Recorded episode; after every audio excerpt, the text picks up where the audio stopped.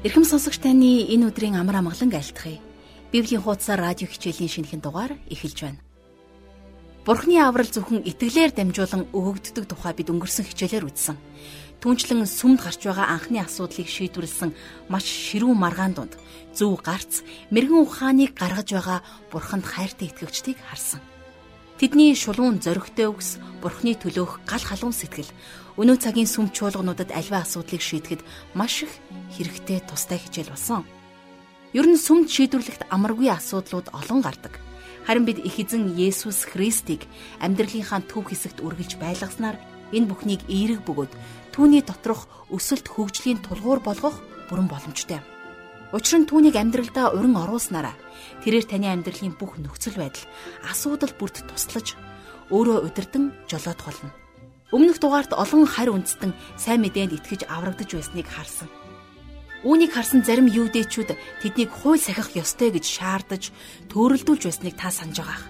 Өнөөдөр ч гэсэн бидний итгэлийн амьдралд юудэчүүд чиг хүмүүс орж ирэн төөрөгдүүлэх оролдлогыг хийсээр байгаа. Харин ийм үед ч гэсэн бид өөрсдийгөө сайн мэдээнээс холдуулах ямар ч хуурамч хууль бус зүйлсээс хамгаалах ёстой гэдгийг жаргалагч бидэнд сайтар ойлгуулж өгсөн баг. Тийм ээ зөвхөн Есүс Христтэй ойр дотн харилцаатай байж л бид Бурхны үгийн дагуу амьдрч чадна. Өнөөдрийн бидний судлах хэсэг бол Үйлс намын 15 дугаар бүлгийн 13-аас 41-р ишлэл байх болно. Ингээд хичээлдээ орохоос өмнө энэ цагийг Бурхан даатгаж хамтдаа залбирцгаая. Хэцүү саад бэрхшээл дунд ч гэсэн боломжийг харуулж өөрийнхөө үгээр хөтлөн өргөжүүлж хөгжүүлж байдаг Бурхан аав минь танд энэ өдрийн төлөө онцгойлон талархаж байна. Таны агуу хайр ивэлд Баярлалаа хэзэн минь. Та өөрийн хүүхдүүдийг ямар ч нөхцөл байдалд орхидоггүй. Үнэхээр сайн бурхан билээ. Амьдралд зовлон гоныг тулгарх үед ч гэсэн бид таныг орхин одлоо гэдэг. Үндэ бид л таныг орхин одож таньгүйгээр өдрөх хоногуудыг шаналж зовж өнгөрөөдөг. Харин та үргэлж бидэнтэй амлсан ёсоороо хамт байж зүрх сэтгэлийг минь хаалгыг чимээгүйхэн тогшиж хүлээдэгт баярлалаа хэзэн минь. Их эзэн минь бид өнгөрсөн өдрүүдэд таны үгээр сангаж, таны нэгүсэл таны удирдамжаар бид дутаж байсан. Эзэн бид харин энэ цаг мөчид өөрсдийнхөө оюун бодол, зүрх сэтгэл, ам амьдралаа өргөж байна. Та хүлээн аваад өөрийнхөө үгийг шигтгэ болгон өгөөрэй. Их эзэн минь та өөрийн хүүхдүүдийнхээ итгэлийн замаар үгээрээ гэрэлтүүлж өгөөрэй. Тэгээд өөрийнхөө дотор суулгаж тантай өдөр бүр ойр дотн алхахад туслаарай. Энэ бүхнийг таны хайртай хүү Есүс Христийн нэрээр залбирanгуйлаа. Амен. Харин одоо жаргалах шиг хичээлд анхаарлаа хандуулъя. Өнгөрсөн хичээлийн төгсгөлд сүмд болсон нэгэн маргааныг шийдвэрлэхээр ирсэн зөвлөлийнхний өмнө Яаков гихч нэгэн ир босож үг хэлсэн талаар бид нар үзээд дууссан байна. За тэгэхээр хамтдаа одоо энэ үйл явдлыг үргэлжлүүлэн Үйлс номын 15 дугаар бүлгийн 13 дугаар ишлэлээс уншицгаая. Тэр хоёрыг ярьж дууссаны дараа Яаков ах トゥ нар минь намайг сонсцгоо. За Симон Петр эхлээд ярьж тэгээд тэрний дараагаар Паул Барнаб нар үг хэлсний дараагаар тэнд хэсэг зур чимээгүй болсон байхаа гэж би хувьдаа таамагладаг юм. Ягд үг гэхээр болсон түүхүүдийг сонссон евдийн шашныхан хүртэл хэлэх үггүй болсон байсан. За ах トゥ нар минь намайг сонсцгоо гэж Яаков хэлэхдээ тэдний анхаарлыг өөртөө 100% хандуулахыг хүсдэг. За тэрэнд мэдээж хэлэх маш чухал зүйл байсан байна. Магадгүй бид нар ч гэсэн бас Бурхны үгийг илүү сонсч баг ярих хэрэгтэй санагдаж байна. За ингээд Яаковын хэлсэн үгийг 14-р ишлэлээс харцгаая. Бурхан өөрийнхөө нэрийн төлөөх ард түмнийг харийнхнаас авахаар анх хэрхэн тэднийг эргэж тойрсон тухай Симон хэллээ. За Бурхны нэрийн төлөө түүнд зориулагдсан хүмүүсийг бүх үндэстэн дотроос авах нь энэ үеийнхэн зориулсан Бурхны төлөвлөгөө юм. За тийм учраас энд Яаков Петертэй 100% санал нийлж байна. Тэрээр Бурхны хүн төрлөختөнд зориулсан төлөвлөгөөг ингэж баталгаажуулсан байна. Бурхан харь үндэстэн дундаас өөрийн ард түмэн болох хүмүүсийг сонгох хүсэлтэй байдаг. За илчлэлт номон дээр Бурхны өмнө бүх үндэстэн овг аймгийн хүмүүс зогсож байгаа тухай өгүүлсэн байна.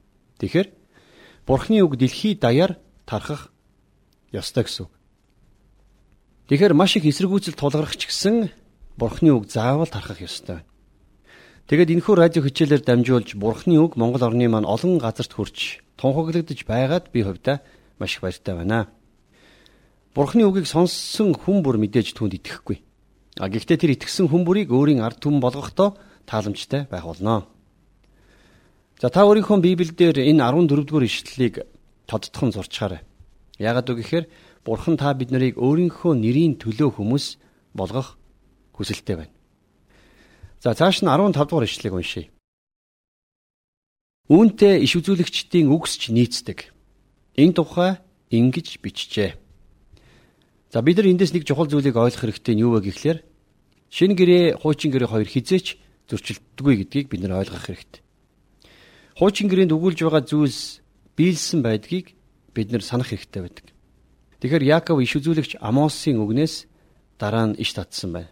Тэгэхээр Амос номын 9 дугаар бүлгийн 11-ээс 12 дугаар эшлэлдэр Учир нь харахтун би тушааж байна. Буудаг шигшүүрээр шигшдгийн адил би Израилийн гэрийг бүх үндэстний дунд сэгсрэх болно. Гэвч нэг ч хайрыг газарт унахгүй. Миний ард түмний доторх бүх нүгэлтнүүд гайхамшиг биднийг нөмөрөхгүй. Бидэнд учрахч үгүй гэж хэлэхсэд бүгд илдээр үхэх болно. Тэр өдөр Давидын нурж унсан бүхээгийг би босгож түүний цөмөрхийнүүдийг шаван битүүлнэ. Мөн би түүний балгаснуудыг босгож түүнийг эртний өдрүүдийн шиг нь дахин байгуулна гэсэн байна. Тэгэхэр бурхан өөрийн нэрийн төлөө хүмүүсийг дуудах яг тэр үед түүнд итгэсэн хүмүүс сүмийн нэг хэсэг Христийн бий болдог. Бурхан нэг өдөр өөрийн сүмийг энэ дэлхийгээс авах болно. За энэ бол түүний ирээдүйн төлөвлөгөө байгаа юм. За ингээд цааш нь үргэлжлүүлэн 16 дугаар ишлэлийг харцгаая. Үүний дараа би эргэж ирээд Давидын нурсан асрыг дахин босгоно. Балгаснуудыг нь би дахин босгож сэргэнэ гэж Яаков үргэлжлүүлэн ярьсан байна.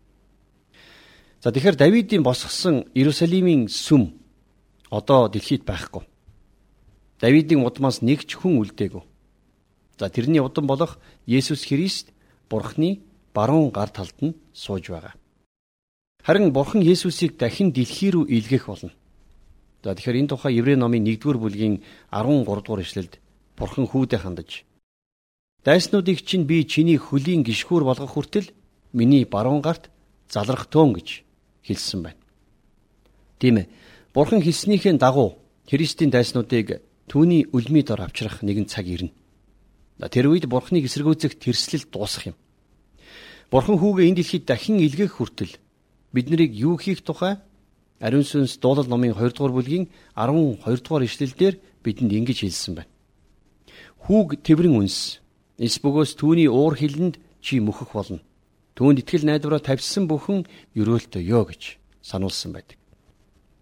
За эндээс харах юм бол Бурхны та бидэнд зориулсан төлөвлөгөө маш тодорхой харагдаж байгаа биз? Тэр одоо ч гэсэн өөрийн нэрийн төлөөх хүмүүсийг дуудсаар байгаа.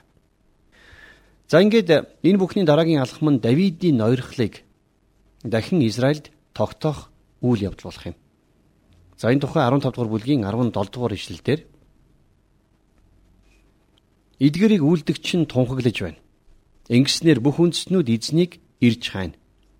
Миний нэрээр дуудагдсан бүх харийнхынч бас хайна гэж бичсэн байна. Өнөөдөр бурхан харь үндэстнүүдийг өөрлөгөө дуудсаар байгаа. Харин түүнийг өөрийн сүмээ энэ дэлхийгээс авсны дараагаар маш олон хүн бурхан руу эргэж түүний хаанчлалд багтан орох болно. За өөр нэгэн Библийн орчуулган дээр үлдсэн хүмүүс гэж нэрлэдэг. За тэгээд энэ үйл явдал болсны дараагаар Бурхны 3 дахь төлөвлөгөө хэрэгжиж эхэлх юм. За энэ бол бүгд ирээдүйд болох зүйлүүд. 18 дугаар эшлэлдэр өн эртнээс мэдэгддэг эзэн эдгэрийг альдж байна гэсэн байна. За тэгэхээр энд Яаков хүмүүсийн хооронд гарсан бүх маргааныг төгсгөж байгааг бид сая харлаа. Бурханд маш тодорхой төлөвлөгөө байгаа гэдгийг тэр маш сайн ойлгож байсан. Ингээд Яаков одоо эцсийн шийдвэрийг хэлэх болно. За түүний хэлэх энэ үг бол тэднэрт маш чухал үг байсан. За хамтдаа 19-оос 20 дугаар ишлэгийг уншийе. Тиймээс миний санаа бол харийнхын дундаас бурхан өд эргэж буй хүмүүсийг дарамтлахгүй байх нь дээр юм аа. Харин бид тэдэнд шүтэнээр бузарлагдсан зүйлс, садар самун, боомлогдсон зүйл болон цуснаас цэрлэж явахыг бичээ гэсэн байна. За ингээд бурханд итгэсэн хариу үндэстнүүдэд Мосегийн хуулийг мөрдүүлэх хэрэггүй гэсэн шийдвэрийг тэр хэлсэн байна. А гэхдээ энд нэгэн хид хідэн зүйлийг хүссэн байгааг та анзаарч хараарай. За нэгдүгüүрт нь тэд нарыг худал шүтээнд бузарлагдсан зүйлсээс хол бай гэж загсан. За энэ тухай хамтдаа бид нэр 1-р Коринт номыг үзэхдээ илүү дэлгэрэнгүй судлах болно. За юу гэхээр тэр үеийн харь үндэстнүүд за ялангуяа Коринт хотынхон хамгийн сайн мал төлгөөсөө хуурамч бурхан шүтээнд өргөдөг байсан юм. Тэд нар бурхтад өргөссөн маха дараагаар нь худалддаг байсан байна. Тэгэхээр мэдээж энэ нь шашны ач холбогдолтой хийгддэг байсан гэсэн үг. Харин үндэстнүүдийн хувьд энэ махнаас идэх нь хэвийн энгийн зүйл байсан. Харин багаасаа худал шүтэнтэй холбоотой бүх зүйлийг цэрлэхийг сурч заншсан еврей хүний хувьд энэ гаж үйлдэлийг хүлийн зөвшөөрөхөд маш хэцүү байсан нь ойлгомжтой. За тийм учраас еврей ахан дүүс нараа хүндэтгэх үүднээс ийм зүйл хийхгүй байхыг Яаков уриалж байна. За бас түүнчлэн тухайн үеийн харь үндэстнүүдийн дунд шашны ёслолд садар самууныг үйлдэх нь их түгээмэл байсан юм. Тийм учраас энэ шашны ёслолоос мөн сэрэмжлэн загсан байна. Орчин үед хүмүүс садар самууныг энгийн зүйл мэтээр хүлээн авахулсныг бид нар бүгдээрээ мэднэ. Тэд нар энийг шинэ үзэл бодол, эрх чөлөө гэж нэрлэдэг байгаа. А гэхдээ үнэн хэрэгтээ энэ болвол аль эртнээсээ л байсан зүйл. Эцэст нь боомлогдсон зүйлс. За цуснаас сэрэмжлэх зэрэг нь мөн л еврей итгэгч нарын ёс заншлыг хүндэтгсэн явдал байсан. За ингээд 21-р эшлэл дээр. Учир нь амралтын өдөр бүх синагогуудад Мосе уншигддаг тул эрт үеэс эхлэн хот болгонд түүнийг тунхаглагчт нь байдгаа гэв. За Яаковын хэлсэн зүйлсүүдийг эргээд хамтдаа харцгаая. Тэр бурхны энэ дэлхийг зориулсан төлөвлөгөөний тухай ярьсан. За 1-р 16 дугаар ишлэлдэр үүний дараа гэсэн нь Христ сүмийг энэ дэлхийгээс авч явсны дараах тэр үеийг ярьж байна. За харин би эргэж ирнэ гэдэг нь Христ энэ дэлхийд дахин эргэж ирэх тухай хэлсэн байгаа юм. За хоёрдугаарт нь Давидын нурсан асрыг дахин босгоно гэдэг нь өнөөдрийн байдлаар нурсан Давидын хаант улсыг дахин сэргэх тухай ярьж байна. За харин 3 дугаарт 17 дугаар ишлэлдэр Христийг дахин ирсний дараа Бурханд итгэж амжаагүй үлдсэн хүмүүст Бурхныг хайх боломж олдно гэдэг талаар хэлсэн. За тэгээд эцэст нь бүх үндэстнүүдийн дундаас олон хүн Бурхан дээр ирэх болно гэдгийг ярьсан байна. За 22-оос 23 дугаар ишлэлд анхаарлаа хандуулцгаая. Тэгээд элч нар ахлагчд болон бүхэл чуулганыханд ах дүүсийн дунд тэргүүлэгч ирчүүд болох Барсаб хэмээх Юда Силас нарыг өөрсдийнхөө дотроос сонгож Паул Барнаб хоёрын хамт Антиох руу илгээх нь зүйтэй санагджээ. Тэд нэр энхүү бичгийг илгээв. Илч нар ахлагчд болох ах トゥ нараас Антиох, Сир, Килик дахь харин ах トゥ нарт минд хүргье. За тэгэхээр энд урд нь дурддаж байгаагүй хүмүүсийн нэр гарч байгаа биз? За Силасын хувьд гэх юм бол Паулийн дараагийн илгээлтийн аяны хамтрагч болдог. Энэ хүмүүсийн дундах хайрын харилцааг мөн анзаарах хэрэгтэй. Тэд нэр хари үндэстний итгэгчдийг ах дүүс нараа гэж нэрлсэн байна. За ингээд 24 дугаар ишлэлд бид тэдэнд даалгаагүй байтал биднээс очсон зарим нь үгээрээ та нарыг самууруулж сэтгэлийг чинь үүмрүүлснийг сонссон тул за энд төр зогсъё. Тэгэхээр Антиох сүмийнхнийг Мосегийн хуулийг дагах ёстой гэж төөрөлдүүлсэн хүмүүс сүмээс томилогдож илгээгдсэн хүмүүс огт биш байсан. Өнөөдөр ч гэсэн мөн итгэж хүнийг хуулийн дор оруулахыг хүсэж байгаа нэгэн Бурхны эрх мэдлэр ярьж байгаа хүн бишээ гэдгийг бид нар ойлгох хэрэгтэй. За 25 дугаар эшлэлдэр бид санаа нэгдэн ах トゥ нарыг дундаасаа сонгож бидний хайр Паул Барнаб нарын хамт та нар руу илгээх нь зүйтэй санагдваа гэсэн байна. За энэ үнэхээр сайхан үгээр захиа бичжээ.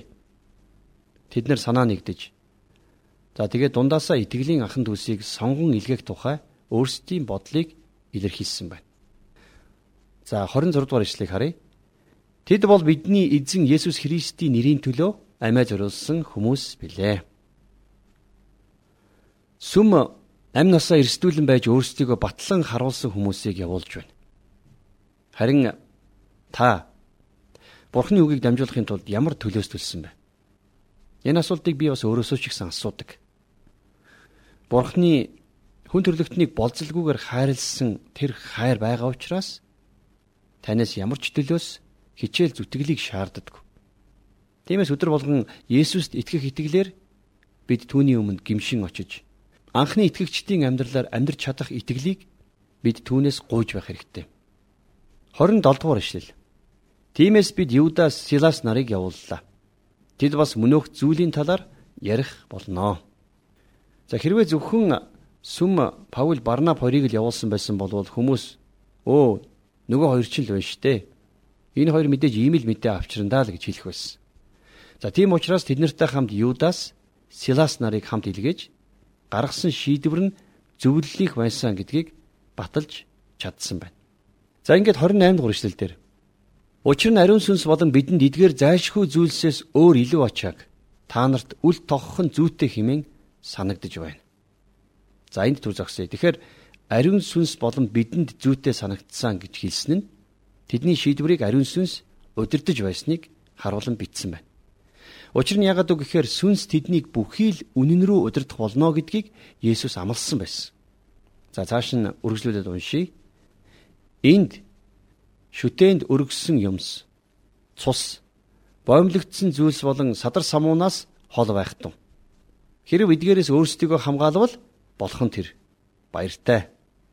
За тэд нар товчхондоо ийм тайлантай эргэж ирсэн. Учир нь тэднэрт энээс өөр хэлэх зүйл байсангүй. Харин үндэстний итгэгчид Мосегийн хуулийг дагах огт шаардлагагүй байсан боловч энэ хуулийг багаасаа мөрдөж ирсэн Евдэ ах トゥ нараа хүндэтгэн хандах ёстой байсан байна. Мэдээж хинч завхаарч болохгүй. За одоо үйл явдлыг үргэлжлүүлэн 30-аас 31 дугаар ишлэлээс харцгаая. Илгээгдсэн тэд Антиохт хүрч итгэгч олныг цуглуулж загтлыг гардуулв. Загтлыг уншаад тэд урамшуулсанд нь баярлцгаав. За эндээс харах юм бол сайн мэдээ үргэлж хүнд тайлгарлыг авчирдаг. Харин хууль болвол зөвхөн хүнд ял шийдэглийг л тулгадаг. Хуулийг ерөнхийдөө хүний гим нүглийг харуулагч тойл гэж нэрлэж болно. Ингээд хуулийн толинд харахад чи муухай харагдаж байна гэж хэлдэг болвол харин сайн мэдээ бидэнд наашир. Бурхан чамайг хүлээж авахыг хүсэж байна. Тэр хайр инэрлээрээ чамайг аварна гэж хэлдэг юм. За 15 дугаар бүлгийн 32-оос 34 дугаар ишлэлдэр Юдас Силас хоёр иш үзүүлэгч учраас ах トゥ нарыг арвин үгээр хүчрхэгжүүлжээ. Тэнд тэд хэсэг хугацаанд байсны дараа ах トゥ нараар өдүүлэн өөрсдийг нь илгээхсэд рүү амар амгалан буцлаа. Харин Силасын хувьд Антиохт үлдэх нь зүйтэй санагджээ. Тэгэхээр эндээс Паул Силас хоёр хоорондоо маш сайн тохирч таардаг байсан нь харагдаж байна. Силаст Паулийн олон зан чанар таалагдж түүнтэй хамт ажиллахад дуртай байсан. За тэгээд Силас Антиохт үлдэж харь үндэстнүүдэд үйлчлэх болсон байна. За 35 дугаар ишлэгийг хамтдаа харъя. Паул Барнаб хоёр Антиохт үлдэж бусад нөхдийн хамтаар эзний үгийг тунхаглан зааж байлаа. За эндээс харах юм бол Паул Барнаб хоёр Антиох сүмийн пасторууд нь байсан байна. За тийм учраас тэд нэр тэнд үлдэж итгэлийн ах дүүсийнхээ хамтаар Бурхны үгийг харь үндэстнүүдэд зааж байсан. Хэдэн өдрийн дараа Паул эзний үгийг тунхагласан хот бүрийн ах トゥ нар дээрээ буцаж очин тэд ямар шуухан байгааг нь мэдье гэж Барнавд хэллээ гэж 36 дугаар эшлэлдэр байна. За эндээс харах юм бол Паул итгэгчдэд үнэхээр санаа тавьж халамжилж чаддаг хүн байсан байна. Тэрээр галаатчуудыг маш тогтворгүй хүмүүс гэдгийг мэддэг байсан учраас дахин дахин очихыг хүсэж байсан. Харин Барнаб нэгэн хүсэлтийг тэрэнд эргүүлэн тавьдаг. За 37 дугаар ишлэлдэр Марк гэгддэг Йохныг өөрсдийнхөө хамт авч явахыг Барнаб хүсжээ. За Барнаб бол маш өгөөмөр за сэтгэл зөөлөнтэй хүн байсан. Тэр Йохан Маркд дахин боломж өгөхөд үргэлж бэлэн байдаг байсан. А гэхдээ тэр ямар нэгэн шийдвэр гаргах юм бол түүнээсээ барагтай л бол буцдаггүй нилээд гүжүүд хүн байсан бололтой. За хамгийн гол нь Паулч тэр, Барнабч тэр бүгдээрээ мөхс хүн байсан гэдгийг бид нэр санах хэрэгтэй. За энэ удаа тэр хоёрын хувьд хинэнч буулт хийхийг хүсээгүй. За 38 дугаар ишлэлдэр юу болсныг харъя. Памфулд биднийг орхиж бидэнтэй үйлсийн төлөө хамт яваагүй түүнийг авч явах хэрэггүй гэж Паул шийдвэ гэсэн байна. За Барнаб Йохан Маркийг авч явахыг хүссэн тийм ээ. Харин Паул тэрний саналаас эрс татгалцсан байна. Итгэлийн хувьд биднээс хавьгүй илүү ийм агуу хүмүүс хүртэл хоорондоо маргалдаж байсныг харахад тэд нар ч гэсэн бас бидний л адил игэл жирийн хүмүүс байсан байна гэдгийг бидэнд харуулж байна. А гэхдээ тэд нар маргалдлаа гэд Антиох сүмийг хувааж итгэгчдийн дунд хагарал үүсгээгүй юм. Тэд нар зөвхөн санал зөрчилдөж байна. За ингээд үйл явдал яаж иргэснийг 39 дугаар ишлэлээс үргэлжлүүлэн харцгаая. Хурц санал зөрөлдсөний улмаас тэд бие биенээсээ салж Барнаб Маркийг дагуулan Киприйг зорин усан онгоцоор явжээ. Ингээд Библиэлд энэ хэсгээс хойш Барнабын тухай дахин гардаггүй. Тэр Киперд очиж тэндээ маш сайн үйлчилсэн байдаг. Яг гэхээр санаж байгаа бол Барнаб өөрөө Кипрээс гаралтай хүн байсан. За тийм учраас тэрээр сайн мэдээг өөрийнхөө ард түмэнд хүргэхийг хүссэн байна. Барнабын үйлчлэл маш хүчрхэг байсныг түүх бидэнд хуучилдаг. Барнабын Киприйн үйлчлэл нь хойд Африк хүртэл нөлөөлсөн байдаг. Харамсалтай нь энэ цагаас хойш бичээс Барнабын тухай дахин дурддаг. За харин энэ хэсгээс эхлээд Паулийн тухай түлхүү гарах болно. За ингээд өнөөдрийн хичээлийн хамгийн сүүлчийн ишлэлүүд болох 40-оос 41 дугаар ишлэлүүдийг хамтдаа уншицгаая. Харин Паул Силасыг сонгож хөдлөв. Ах トゥ нар Паулийг эзний нэгүүлсэлд даатгав. Тэрээр Сир болон Киликер дайран чуулгануудыг хүчрхэгжүүлж явлаа. Ингээд сүм илгээлтийн хоёр том үйлчлэлтэй болсон юм. Барнаб нэг хэсэг рүү явж, Паул өөр хэсэг рүү явдаг. Бурхан хоёуланг нь маш гайхамшигтайгаар ашигласан. Паул энд Силас гэгч туслагчтай болсон. За тэгээд итгэгч ах дүүс нь тэд нарыг эзний нэгүүлсэлд даатхан залбирцгааж байсан юм аа.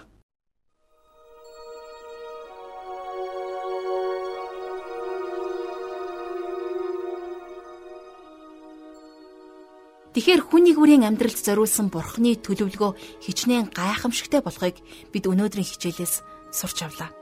Анхны итгэгчид бурхны үг дотор түүний удирдлагын дагуу харь үндэстнүүдэд сайн мэдээг тарааж гал халуун сэтгэлээр үйлчилсэн түүх итгэлийн амьдралд маань маш чухал мэдлэг болон ирсээр байгаад би хувьдаа маш их баяртай байна. Тийм ээ бидний эзэн бурхны үг энэ дэлхийгээр нэг тархах ёстой. Харин түүний үгийг хүмүүст хүргэхдээ баяр хөөртэйгээр үйлчлээрэй.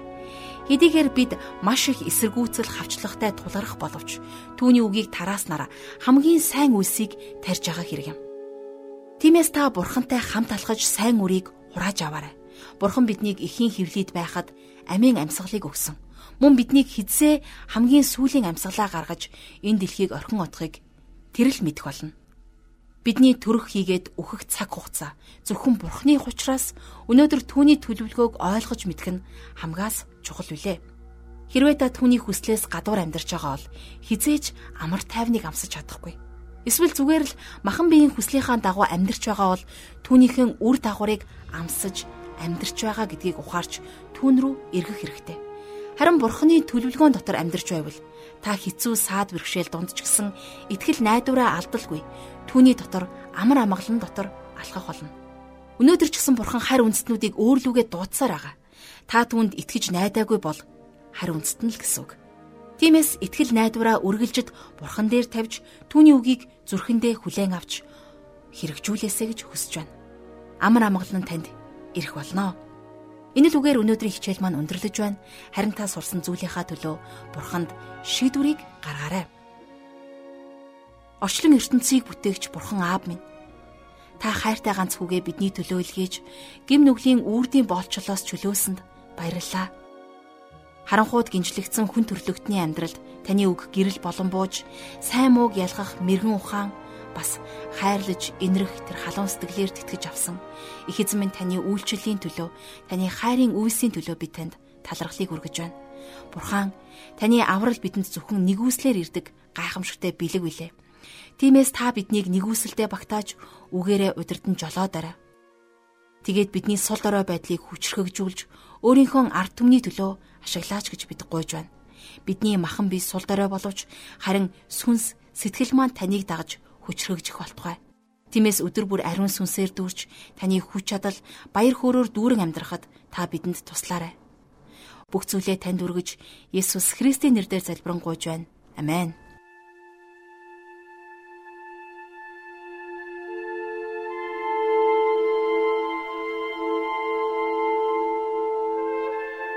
Библийн хуудасаар радио хичээл хүрлээ.